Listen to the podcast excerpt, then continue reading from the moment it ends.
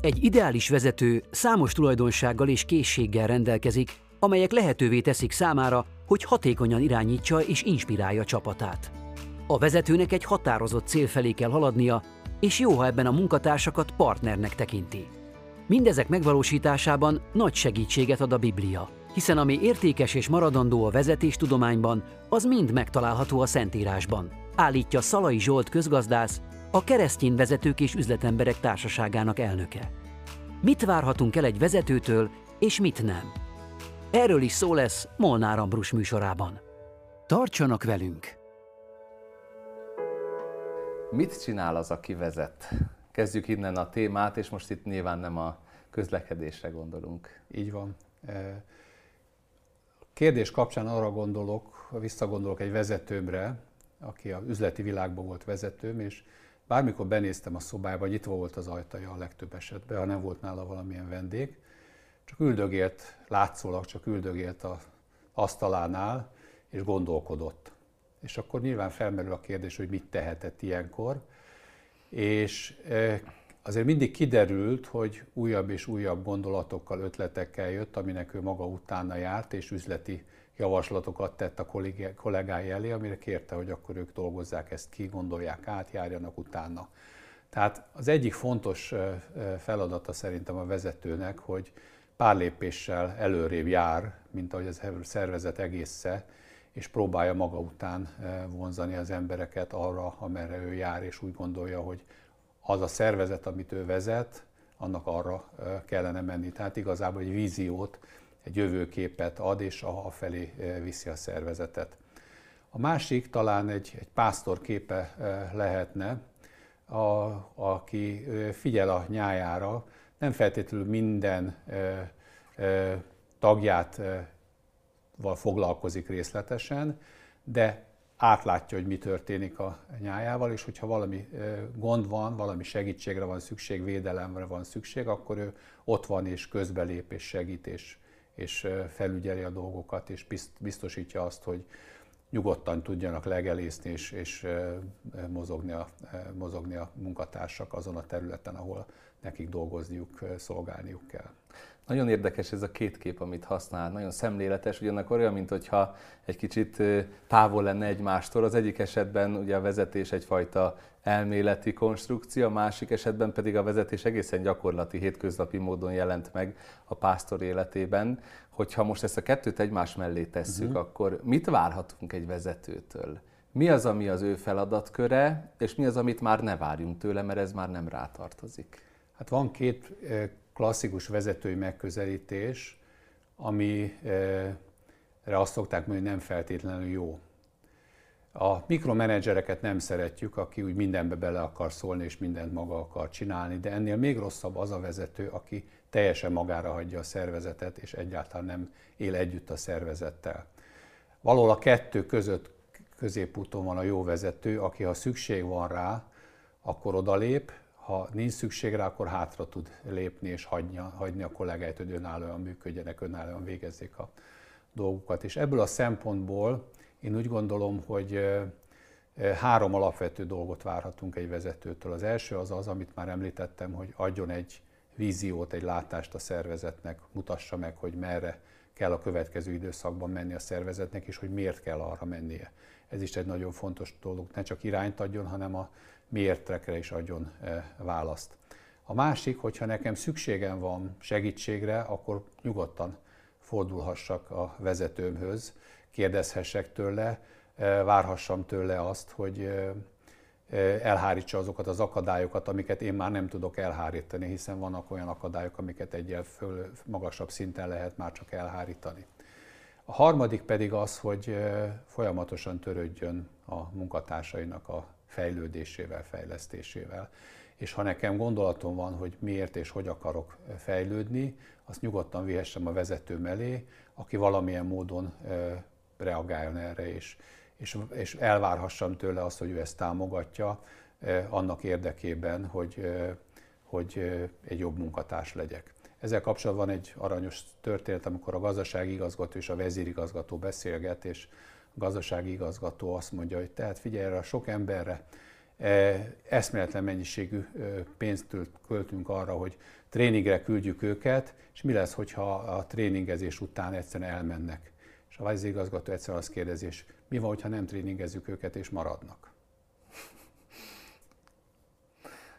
Ez, amit mond, ez, ez jól mutatja azt egyébként, ahogyan általában gondolkodunk talán a vezetésről, hogy van a vezetés, az igazgató valahol ott fönt, meg vannak a többiek itt lent, akik vagy maradnak, vagy elmennek, de abból, amit mond, és ahogy a vezetésnek a lényegét megpróbálja kibontani, valahogy úgy jön ki, mintha ez egy, egy rendszernek lenne a része, mind a vezető, mind pedig a vezetett személy. Hogy lehet ezt a szemléletet egyáltalán magunkévá tenni? Mert talán, hogyha mi is a, a rendszer részeként, mármint hogy az intézmény részeként gondoljuk el önmagunkat is, meg a vezetőt is, aki nem független uh-huh. szintén ettől uh-huh. az mhm. egésztől, akkor talán könnyebben megy ez a fajta engedelmesség, könnyebben megy az a fajta elfogadás annak a parancsnak, ami, vagy annak az iránymutatásnak, ami egy olyan szemléletből születik meg, ahol talán egy sokkal nagyobb perspektíva, egy sokkal nagyobb látásmód jelenik igen, meg. Igen, igen, igen. Azért izgalmas ez a rendszer szemlélet, mert Amerikában egy hölgy, Liz Weismannak hívják a hölgyet, egy érdekes kutatást végzett. Azt figyelte meg, hogy vannak olyan vezetők, akiknek a rábízott erőforrásokat, hívjuk most így összességében így az embereket, akiket rábíznak, azoknak a egyedi képességeiből ha összeadjuk, sokkal kevesebbet tud kiosztani, tehát megosztja ezeket az erőforrásokat. És vannak olyan vezetők, akik meg tudják sokszorozni, tehát ránézésre ennyi van egy csapatban, és ő sokkal többet tud belőle kihozni. Ugye sportban látunk uh-huh. sok ilyet, hogy edzőváltás van, és hirtelen egy csapat sokkal jobban kezd teljesíteni, mint korábban teljesített, és nem feltétlenül értjük, hogy ugyanazok az emberek miért tudnak jobban focizni, vagy kézilabdázni, vagy vízilabdázni. E, és e, a egyik legfontosabb tulajdonsága azoknak a vezetőknek, akik megsokszorozzák az embereket, az az, hogy ők konzultatív vezetési stílust tesznek, tehát nem utasításokat próbálnak adni, hanem inkább kérdésekkel vezetnek. Kérdezik az embereket, hogy miről mit gondolnak. Nekik is van egy határozott elképzelésük, de ők elsősorban az embereket akarják helyzetbe hozni, és csak ha senkinek nincs gondolata, vagy összegezni kell, akkor, akkor vállalják azt, hogy ők a saját dolgaikat is beviszik.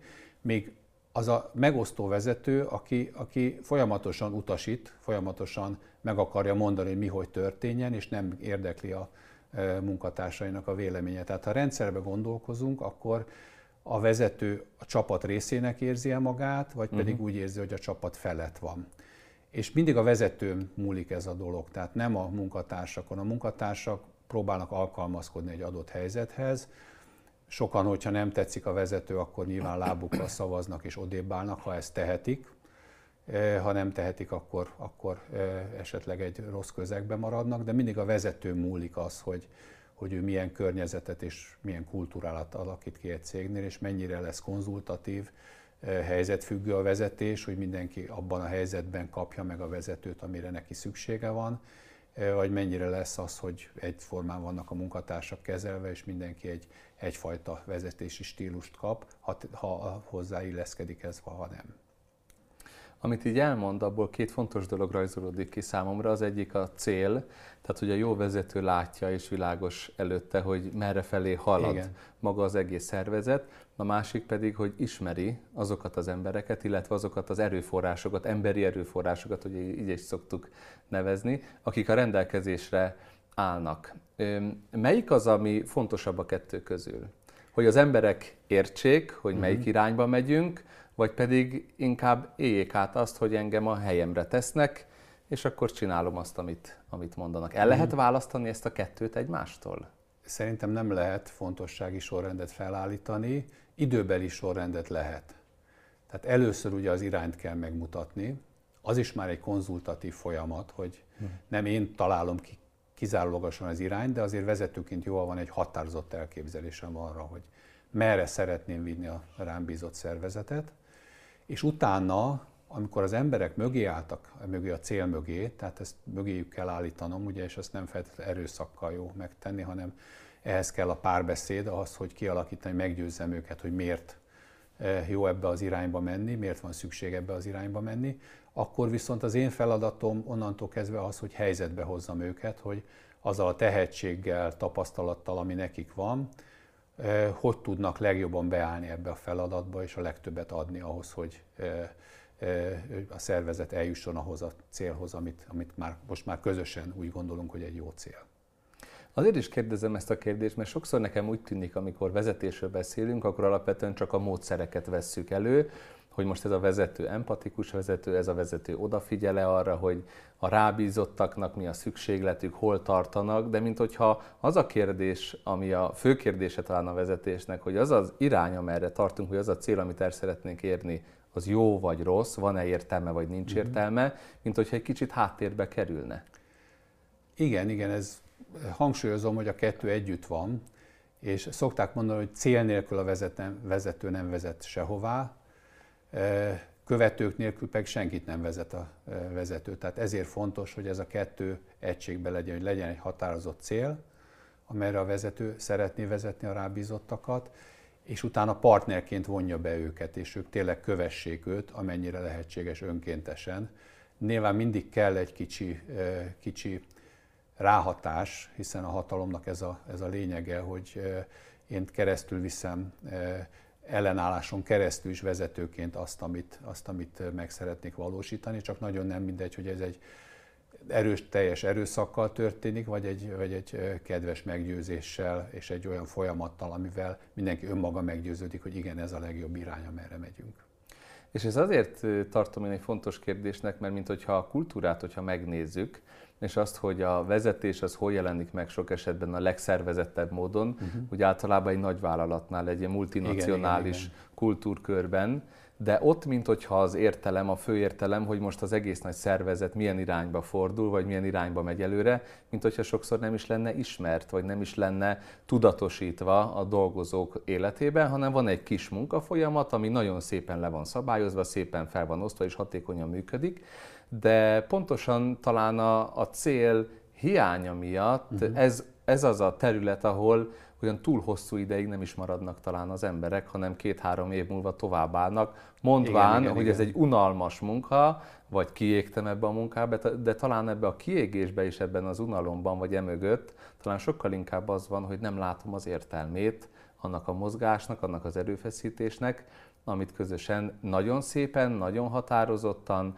nagyon személyre mhm. szabottan lebontva, de megteszünk közösen. Igen, ez, ez tényleg egy nagyon fontos kérdés, és talán az a e, legfontosabb aspektusa ennek, hogyha világosan kommunikált a cél a legalsó szintjeig a szervezetnek, e, és azzal tudnak azonosulni az emberek, e, nyilván ez is fontos, akkor nagyobb lesz az elkötelezettségük, és más értelmet ad a e, napi munkájuknak. Van egy másik klasszikus történet, hogy valaki sétál az utcán, és lát három embert, hogy egy fal mellett dolgoznak.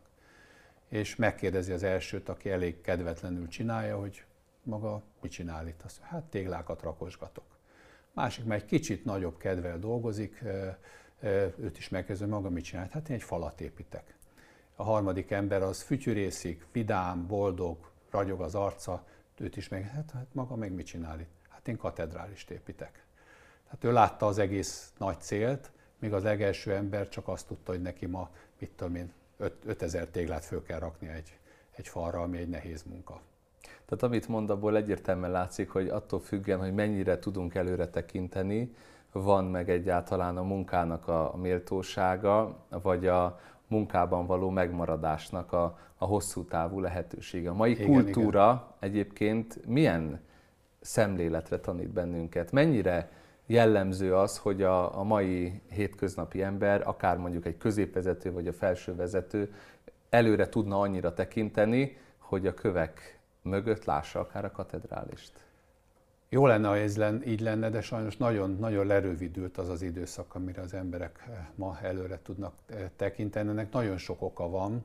Az üzleti világban például az az oka, hogyha egy nagyobb cég, tőzsdei cég negyed évente jelentenie kell ugye a tőzsdén, és negyedéves programokba fut a cég. Van egy hosszú távú célja, de az adott negyed év nem úgy sikerül, ahogy szeretné, akkor ugye például a tőzsdén büntetik őt, és eladják a részvényeit, és esik az mhm. árfolyam, és ez rosszul érinti a felső vezetőket is. Tehát nagyon-nagyon lerövidült, ez, ezt, ezt már komoly közgazdasági gondolkodók is mondják, hogy ez nagyon-nagyon káros a világra nézve is, hogy ennyire rövid időszakokban gondolkodnak az emberek, de ha arra gondolunk, egy nem tőzsdei szervezet is egy évben gondolkodik maximum stratégiai szinten, egyrészt a bizonytalanságok, a körülöttünk lévő bizonytalanságok miatt, másrészt pedig amiatt, mert évente van ugye bónuszosztás, évente van, van értékelés, ha mondjuk egy nem non-profit szervezetről beszélünk, tehát, tehát igazából szűk, rövid a, nem hagyunk időt magunknak arra, hogy kiteljesedjenek gondolatok, tervek, pedig hogyha valami jó, éppen közelmúltban olvastam egy McKinsey egy ilyen vezetési tanácsadó cég, és az ő egyik cikkükbe olvastam, hogy ha, ha valami jó, akkor egy bizonytalan pénzügyi tervel is érdemes belevágni, hogyha hiszünk abba, hogy abba az irányba el kell indulni egy szervezetnek, mert akkor az, az ad, ad, ad valamit a világnak, ad valamit a, az ügyfeleiknek, ad valamit a munkat, munkatársainak is. Fontos ez a szó, amit használt, ez a, ez a jó, vagy másod is meg tudnám fogalmazni lelkészként, hogy igaz. Mi az, ami hosszú távon működik, és mi az, amire talán hosszú távon uh-huh. szükségünk van. És ugye ez azért egy, egy fontos dolog, amit itt említ, hogy ez a tanácsadó cég, ez felhívja erre a figyelmet, mert minthogyha az egyik legfontosabb kérdése a vezetésnek zárójelbe kerülne, vagy elhomályosulna, mégpedig az, hogy igazából hova szeretnék eljutni. Mi a célja ennek az egésznek, Igen. és ennek a, a mélyén talán az van, hogy mi a célja az emberi életnek. Mi a célja az én életemnek? Hol tudok hosszú távon boldogságot találni? Mert bár amikor egy nagy céget nézünk, akkor ott óriási nagy infrastruktúra, óriási nagy szervezet, szintek, megkülönböztetések vannak, de mégis ennek az egész nagy szervezetnek az alapegysége az ember. Igen, igen. És hogyha nem is a munkavállaló, akkor a befektető, vagy a, a fő vezérigazgató, aki ezt az egészet mondjuk elképzelte. Igen. És az, hogy igen. ő mit gondol magáról az életről, talán ez meghatározza azt, hogy hogyan fog ez az egész szervezet működni. És hogyha modern embernek a, a gondolataira nézzünk, akkor amit mondott, hogy így beszűkül és lecsökken maga a tér és a gondolkodási táv, ez talán nagyon jellemző, és én lelkipásztorként látom azt a folyamatot itt a nyugati szellemtörténeti körülményekben, hogy miközben elvetjük a láthatatlan világot, elvetjük a Biblia Istenét, és ezzel együtt elvetjük az örökké valóságot. Elvetjük azt, hogy ne csak 80 évig gondolkodjunk, hanem mondjuk a halálon túl is a gondolkodás az az emberi életnek a része legyen, és lecsökken ez az egész, felgyorsul maga az élet, és megjelenik a bizonytalanság, megjelenik a félelem, és megjelenik talán az értelmetlenségben az értelem keresési kísérlet. Igen, igen, igen. Hogyan hat, vagy mi várható mindebből a, a vezetés kapcsán? Hogyan lehet ebből uh-huh. kitörni? a kereszténység tud-e bármilyen utat mutatni uh-huh. a modern vezetés számára? Van-e olyan, hogy, hogy keresztény vezetés ebből a szempontból? É, mindenképpen van egy pillanatra visszalépnék, és utána mond, válaszolok erre a kérdésre és a vezető személyére. Ez is egy alapvető igazság, hogy a vezetés az önmagunk vezetésével kezdődik. És ha nem tudjuk önmagunkat vezetni, tehát életünknek nincsen iránya, nincsen célja, akkor egy szervezetnek se fogunk tudni célt adni. Tehát ez, ez, egy, ez egy nagyon alapvető dolog, és akkor itt mindjárt tudunk kapcsolódni ugye a, a e, e, keresztény vezetéshez. Hát természetes, hogy van olyan keresztény vezetés, hiszen a, a Biblia nagyon-nagyon-nagyon sokat tanít a e, vezetésről, és kiváló vezetői példák vannak benne. Nyilván a legkiválóbb vezetői példa maga Jézus Krisztus, de eh, az Ószövetségben is és az Új Szövetségben is nagyon sok olyan vezető van, akinek a munkásságán, megismerhető munkásságán, azzal, hogy hogy és mint eh, állt hozzá a dolgokhoz, hogyan vezette a rábízottakat, a népet, a gyülekezetet, eh, királyként, vagy, vagy a vezetőként, elhívott vezetőként, és milyen módszereket alkalmazott, ez abszolút, abszolút tanulható, és tanulni is kell, és a vezetés tudomány nagyon sokat merít a teológiából, és az én tapasztalatom az foglalkozva a vezetéstudományjal és foglalkozva teológiai kérdésekkel is, hogy ami értékes és maradandó a vezetéstudományban, az megtalálható a Bibliában, bibliai vezetők példáján, vagy pedig azokban az elvekben, amik, amik megtalálhatók a Bibliában.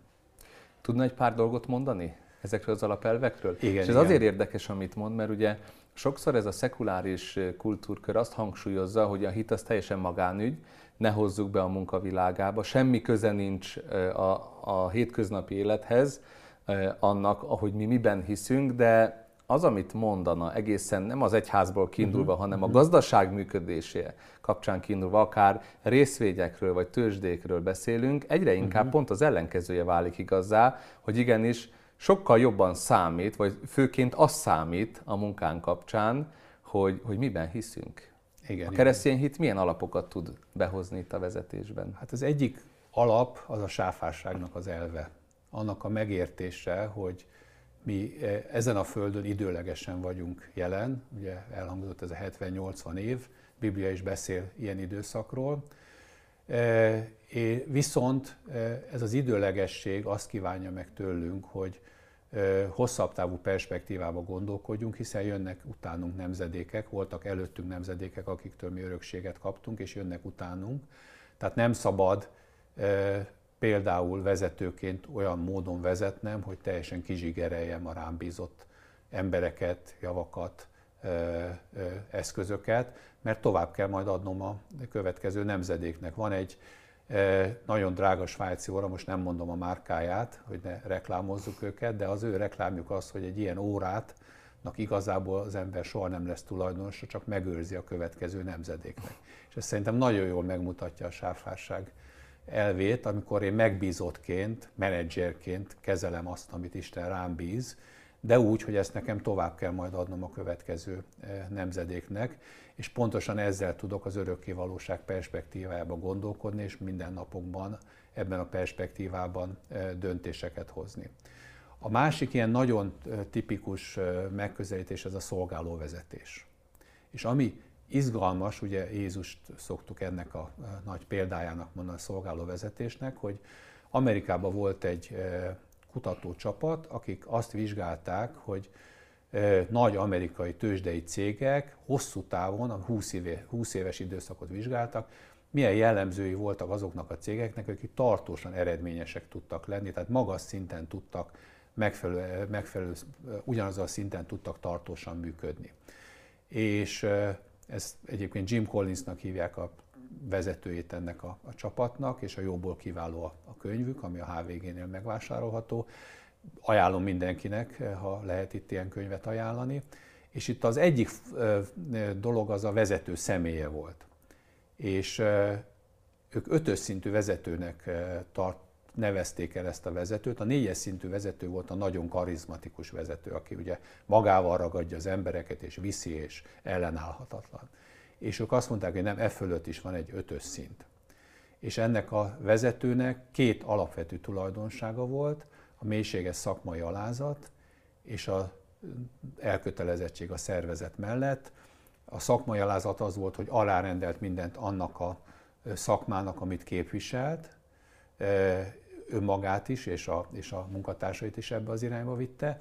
Az elkötelezettség pedig úgy, például úgy nyilvánult meg, hogy amikor jól ment a szervezetnek, akkor a munkatársait dicsőítette, hogy milyen jók, milyen klasszak, milyen jól csinálják a dolgokat. Ha hibák voltak, azt mindig magára húzta, és próbálta mentesíteni a hibák alól a munkatársait, és ő próbálta elvinni a balhét, ha lehet ezt mondani és ezzel gyakorlatilag egy olyan környezetet tudott teremteni, amiben szabadon tudtak a munkatársak, sokkal szabadabban tudtak dolgozni, mint egy feszesebb környezetben, mondjuk egy karizmatikus vezető uh-huh. alatt, és ezért a teljesítményük is nyilván eh, sokkal jobb lett. Fontos ez a gondolat, amit itt hangsúlyoz, ez az alázat, a szakmai alázat és a szervezethez való lojalitás, mert ugye ennek az egésznek a mélyén az van, hogy a, a lényeg, ami az irányt mutatja, az alapvetően nem bennem van, hanem egy rajtam kívülálló igazság, ami engem is megmér, és ami, aminek nekem is alá kell, hogy rendeljem magamat. Itt említette a szolgáló vezetés fogalmát. Ugye ez Igen. Jézus élete az szolgálat, nem más. Tudjuk a Bibliából.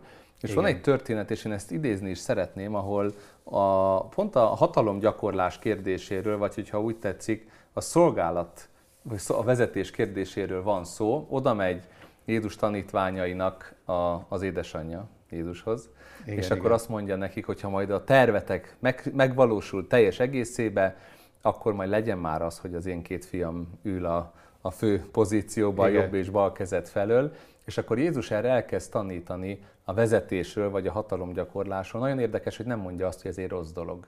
Nem mondja azt, hogy figyeljetek, ezt felejtsétek el. Tehát ez a vezetés, ez a hatalomgyakorlás, ennek semmi értelme, igen, hanem igen, igen. egyszerűen újra definiálja, és azt mondja, hogy ez egy fontos dolog, ugyanakkor ezt nem jól csináljátok. És ezt olvassuk a, a Bibliába. Tudjátok, hogy a népek felett zsarnokoskodnak fejedelmeik és vezetőik, hatalmaskodnak rajtuk. De közöttetek ne így legyen, hanem aki nagyjá akar lenni közöttetek, az legyen a szolgátok, és aki közöttetek első akar lenni, az legyen a rabszolgátok, mert az emberfia sem azért jött, hogy neki szolgáljanak, hanem hogy ő szolgáljon, és életét adja váltságul sokakért. És hogyha Jézus életét nézzük, ugye Jézus folyamatosan hangsúlyozza ezt az élete során, hogy ő nem a saját akaratát jött teljesíteni Igen. és megvalósítani, hanem azt az alázatosságot fejezi ki, hogy ő aláveti az ő életét az atya akaratának, és az ő élete nem szól másról, mint az atya akaratának a teljesítéséről. És ez az, amit Igen. mondjuk itt, itt talán, a, amit említett, hogy felismerték a, a mai vezetés elméletben, hogyha ez a fajta hozzáállás jelenik meg egy teljesen nem egyházi, vagy nem evangéliumi, vagy nem egy gyülekezeti szinten, hanem ez egy, egy teljesen világi szinten, akkor az egy, egy működőképes dolog lehet. Igen, hát olyan mértékben működőképes, hogy kiváló olyan működő cégeket tud létrehozni, akik eh, a legmagasabb szintű teljesítményt tudják mutatni egy eh, elég, elég zord közegben, amit ugye üzleti világnak hívhatunk. Úgyhogy eh, tényleg ez a szolgálóvezetői hozzáállás, ez, ez egy nagyon fontos dolog, és ami érdekes, hogy ezek a vezetők, akik ezeket a cégeket vezették, őket nem ismerjük igazából. Tehát nem azok a nagy nevek, akiket úgy vezetőként beugrana a fejünkbe, hogy na mondjuk egy Lee Iacocca, ugye, aki a Fordnak is, meg ugye a, a Chryslernek is a elnöke volt, és, és fantasztikus vezetőként mondják, néhány botránya maga mögött, de, de igazából ez a fantasztikus, hogy őket szinte észre se lehet venni, hogy ott vannak, és mégis, ha nem lennének ott, akkor, akkor hiányoznának, mert hiányozna az a fajta e, e, hozzáállás, ami, tehát például szolgálóvezetők voltak, de az nem jelentette azt, hogy nem kérték számon azokat a feladatokat, amiket a munkatársaiknak meg kellett csinálni. Tehát az is jellemző volt rájuk, hogy következetesen beszámoltatták a munkatársakat a saját vállalásaikról. Te azt vállaltad, hogy ezt csinálod, akkor csináld is meg egyébként ne vállald, vagy, vagy gondolkod végig, hogy mit válasz. Tehát ugye ez, ez egy nagyon fontos feladat a vezetőnek, és sokszor ezt nagyon nem szeretjük csinálni, hogy, hogy számon kérjük a ránk bízott embereket. Önkéntes közegben nagyon nehéz, ugye, de még, még üzleti közegben is, vagy rosszul csináljuk, vagy, vagy ilyen fenyegetésszerűen csináljuk, és nem egy olyan közeget adunk, amikor valaki magától jön, hogy hát én ezt megcsináltam, itt van, vagy pedig elakadtam, segíts, mert nem tudok tovább menni a feladatom elvégzésébe. Tehát ugye megint, megint az jön, hogy a vezető milyen kultúrát alakít ki egy szervezetbe, és azt hogy tudja érvényesíteni, és abban a munkatársak hogy tudnak beleállni. Ez fontos, amit mond, hogy a, a szolgálat értelmébe érdemes belemenni a szolgálat kifejezésének az értelmébe, már csak azért is, mert ugye a keresztényeket sokszor az a vád is éri, hogy hát ugye a szolgáló vezetés, akkor az kiszolgálást jelenti, uh-huh. hogy nem lehet ellent mondani, nem lehet ellenállni, hanem csak bólogatni lehet mindenféle kérdése akárkinek. De hogyha uh-huh. a Bibliát megnézzük, akkor az a Jézus, aki megmossa a tanítványoknak a lábát, és azt a feladatot és azt a szolgálatot végzi el, ami egy rabszolgának a feladata, az a Jézus azért, hogyha azt látjuk, hogy egy teljesen szellemi zűrzavar van, akkor egy ostort is von, és kiűzi a templomból a pénzváltókat. Igen. Mit jelent még a gyakorlatban? Hogyan néz ki egészen közelről ez a fajta szolgálóvezetés? Említette itt a feladatok uh-huh. egyértelmű pontos kiadását, és Igen. azoknak a számonkérését. Mit jelent még ez? Hogy néz ki? Van egy másik uh, érdekes kutatás, uh, aki, amelyik azt vizsgálta, hogy, hogy melyik a jó vezetői hozzáállás.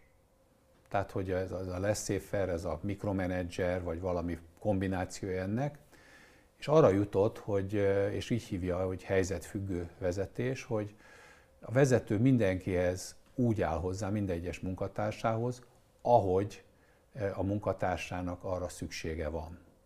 Tehát például egy kezdő munkatársánál sokkal jobban ott van, és segít neki, hogy betanuljon egy adott feladatba, míg egy szeniorabb munkatárs, aki már nagy önállósággal tudja végezni a munkát, hagyja, és azt mondja, hogy szóljál, hogyha valami elakadás van, itt vagyok, de nem zavarlak téged, mert tudom, hogy te ezt a feladatkört, amit el kell látnod, nagy önállósággal látod el. Időnként, amikor megbeszélésünk van, nyilván megbeszéljük, hogy hol tartanak a feladatok, és ha elakadtál, szóljál, de tehát, hogyha most ezt a két végletet nézem, tehát, hogy tényleg visszatérünk oda, hogy a pásztor ismeri a juhait, tehát a vezető is ismeri a munkatársait, és tudja, hogy melyiknek mire van szüksége, melyik a kövérebb, aki elboldogul maga is, irányt kell neki adni, mert azért irányt adni kell, és utána ő szépen arra megy, és melyik az, aki botladozik, gyengélkedik, és, és többet kell vele foglalkozni. Igen, ez alapján látszik, hogy a jó vezetőnek egy fontos tulajdonsága, hogy jó emberismerő legyen, hogy fel tudja mérni az embereknek a, az állapotát, a lehetőségeit, talán a fejlődési ütemterveit, és érdekes, hogy sokszor ezt szoktuk várni egy jó tanártól, ugye az iskolába, de hogy Igen. ezek a különbségek egyébként nem csak a gyerekek között vannak meg, vagy a tanulók között, hanem úgy meg, ugyanúgy megvannak egy szervezeten belül a munkavállalók között is. Igen. Igen. És ezt fel kell ismerni, és, és fontos, hogy ebben tudjunk segíteni. Értjük a vezetést akkor, amikor mondjuk egy, egy munkahelyről van szó, egy szakmai dologról, ahol a, ahova az embernek a, mondjuk a megélhetése is kapcsolódik, de mi van akkor, hogyha egy teljesen önkéntes alapú szervezetről van szó, például a keresztény gyülekezetekről. Uh-huh. Ugye ott is uh-huh. vezetésről beszélünk, de ott könnyen éri az embert az a vád, hogy hát örüljenek, hogy itt vagyok, ez a szabadidőmből vagyok itt, örüljön uh-huh. bárki, hogy valamilyen feladatot vállalok a szabadidőmből, a családomtól, uh-huh. a hobbimtól veszem el ezt a fajta felajánlást. Hogy lehet itt egyébként akár a számonkérést, akár pedig a szolgáló vezetésnek uh-huh. ezeket a uh-huh. határozott kereteit ott érvényesíteni, uh-huh. hogyha nincsen ellenszolgáltatás vagy anyagi kifejeződése uh-huh. a, a szolgálatba állásnak. Igen, hát ez egy nehezebb, nehezebb terep, és főleg ha az ember üzleti területről jön, én magam üzleti területről lettem gyülekezet vezető, megküzd ezzel, mert megszokta, hogy egy üzleti közegben, vagy egy formális közegben hívjuk inkább így, ott az emberek azért bizonyos kötelességtudatból szervezik ezeket a dolgokat. Viszont egy gyülekezetben van egy nagyon fontos alkotóerő, ugye az a, a e, e, belső meggyőződés, hogy miért vagyok én ennek a gyülekezetnek a tagja, és mit jelent ez a gyülekezet teológiai szempontból. Tehát, hogy a gyülekezetnek az a feladata, hogy azt a jó hírt, amit Jézus Krisztus behozott a világba, hogy, hogy ki lehet engesztelődni Istennel, hogy kapcsolatba lehet lépni a, a teremtő élő Istennel, rajta keresztül, ezt vigye el a világba, ugye ez egy, ez egy alapvető feladat. És hogyha valaki ezt önmagáévá teszi, tehát ő teljes mértékben meggyőződik erről, akkor igazából két dolgot kell vele szerintem vezetőként tennünk.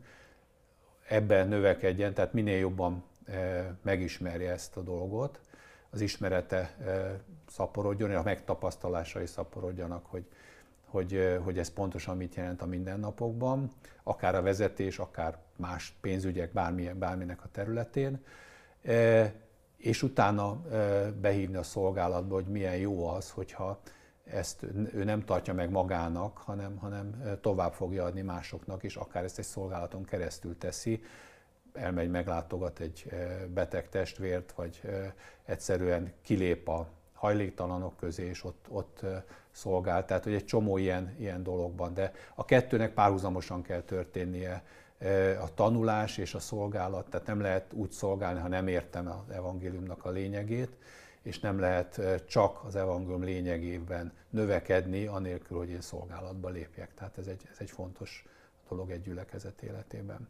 És ezt kell biztosítani a vezetőnek, hogy ez mind a kettő elérhető legyen a, a vezetettek számára, és akkor ők nem fogják úgy érezni, hogy a szabad idejüket adják, hanem úgy, úgy fogják érezni, hogy ezt én szeretem csinálni, és örömmel jövök. Az érdekes, hogyha most itt módszertanilag egyszerűsítjük le, akkor igazából ugyanaz van a gyülekezetben is, mint akár egy, egy bármilyen más uh-huh. cég, cégnél, hogy fontos az, hogy értsük, hogy mi a célja és értelme ennek az egésznek. És ugye Igen. a célja és az értelme egy gyülekezetnek az az Isten tervének a megvalósítása, és hogyha ezt minél inkább mélyre engedjük, minél inkább tartalmilag megér, megértjük és átéljük az evangéliumnak az üzenetét, annál inkább ez a szervezet, vagy közösség, vagy gyülekezet uh-huh. nem csak egy rajtunk kívül álló csoport lesz, uh-huh. aminek van egy tagsági száma, meg egy szervezeti működése, hanem olyan, mint ami a mi életünknek az alapvető része lesz, viszont az életünk részévé, ahogyan említette, csak azon keresztül válhat, hogyha áldozatot hozunk érte, hogyha teszünk érte, hogyha a szolgálatban, és ez nagyon sokféle lehet, lehet technikai, lehet lelki, lehet szellemi szolgálat, de ott vagyunk, és beletesszük uh-huh. mindazt, amire nekünk lehetőségünk van.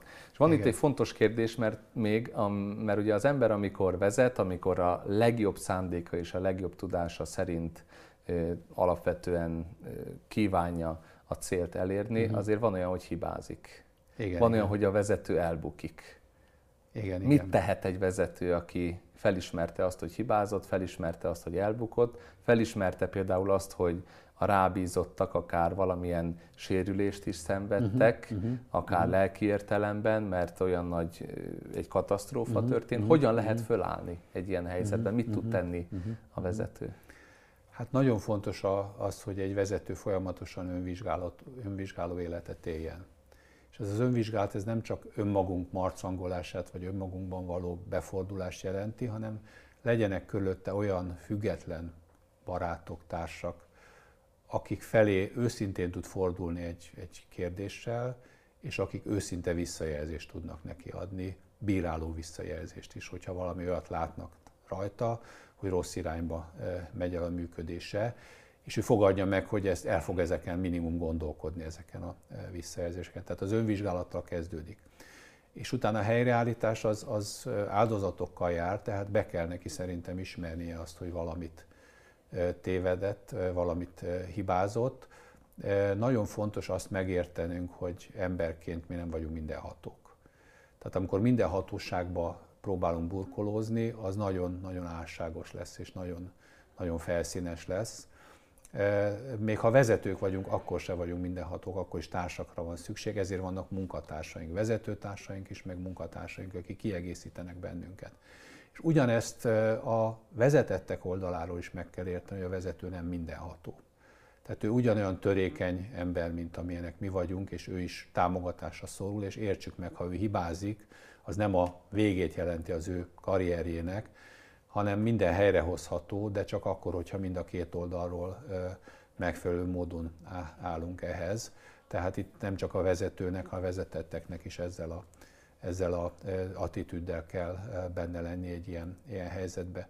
Viszont lehet olyan szélsőséges eset, hogyha akkora hiba történt, ami helyrehozható valamilyen módon, de a vezető hitelességét rontotta, akkor a vezetőnek vissza kell lépnie, tehát ki kell lépni az, a vezető szerepéből, mert a vezető azért egyfajta példája is a rábízottaknak, és, és ezt a vezetőnek tudnia kell, hogy mi az, amikor, amikor ő, tehát hogyha őszinte, és vannak körülötte emberek, akik ebbe segítik, akkor ő tudja, hogy mi az a momentum, amikor neki egy adott pozícióból vissza kell állni. És itt megint egy nagyon fontos dolgot azért értenünk kell, hogy akár hívők vagyunk, akár nem, nem a szerepeink adják meg az identitásunkat. Tehát nem az a szerep, hogy én most apa vagyok, fele, férj, feleség, vezető, barát, bármi. Nem ez adja. Ez egy szerep, amit, amiben az életben benne vagyok, és jó, ha benne vagyok, de identitásunk az jó, ha ennél sokkal mélyebben gyökerezik. Keresztényként nekünk van egy nagyon stabil gyökerünk, hogy mibe gyökerezhetünk, és ezért nem szabad összetévesztenünk az identitásunkat azzal a szereppel, amit éppen betöltünk az életünk egy részébe. Sokkal nehezebb elengedni, ha a szerepünk az identitásunká válik.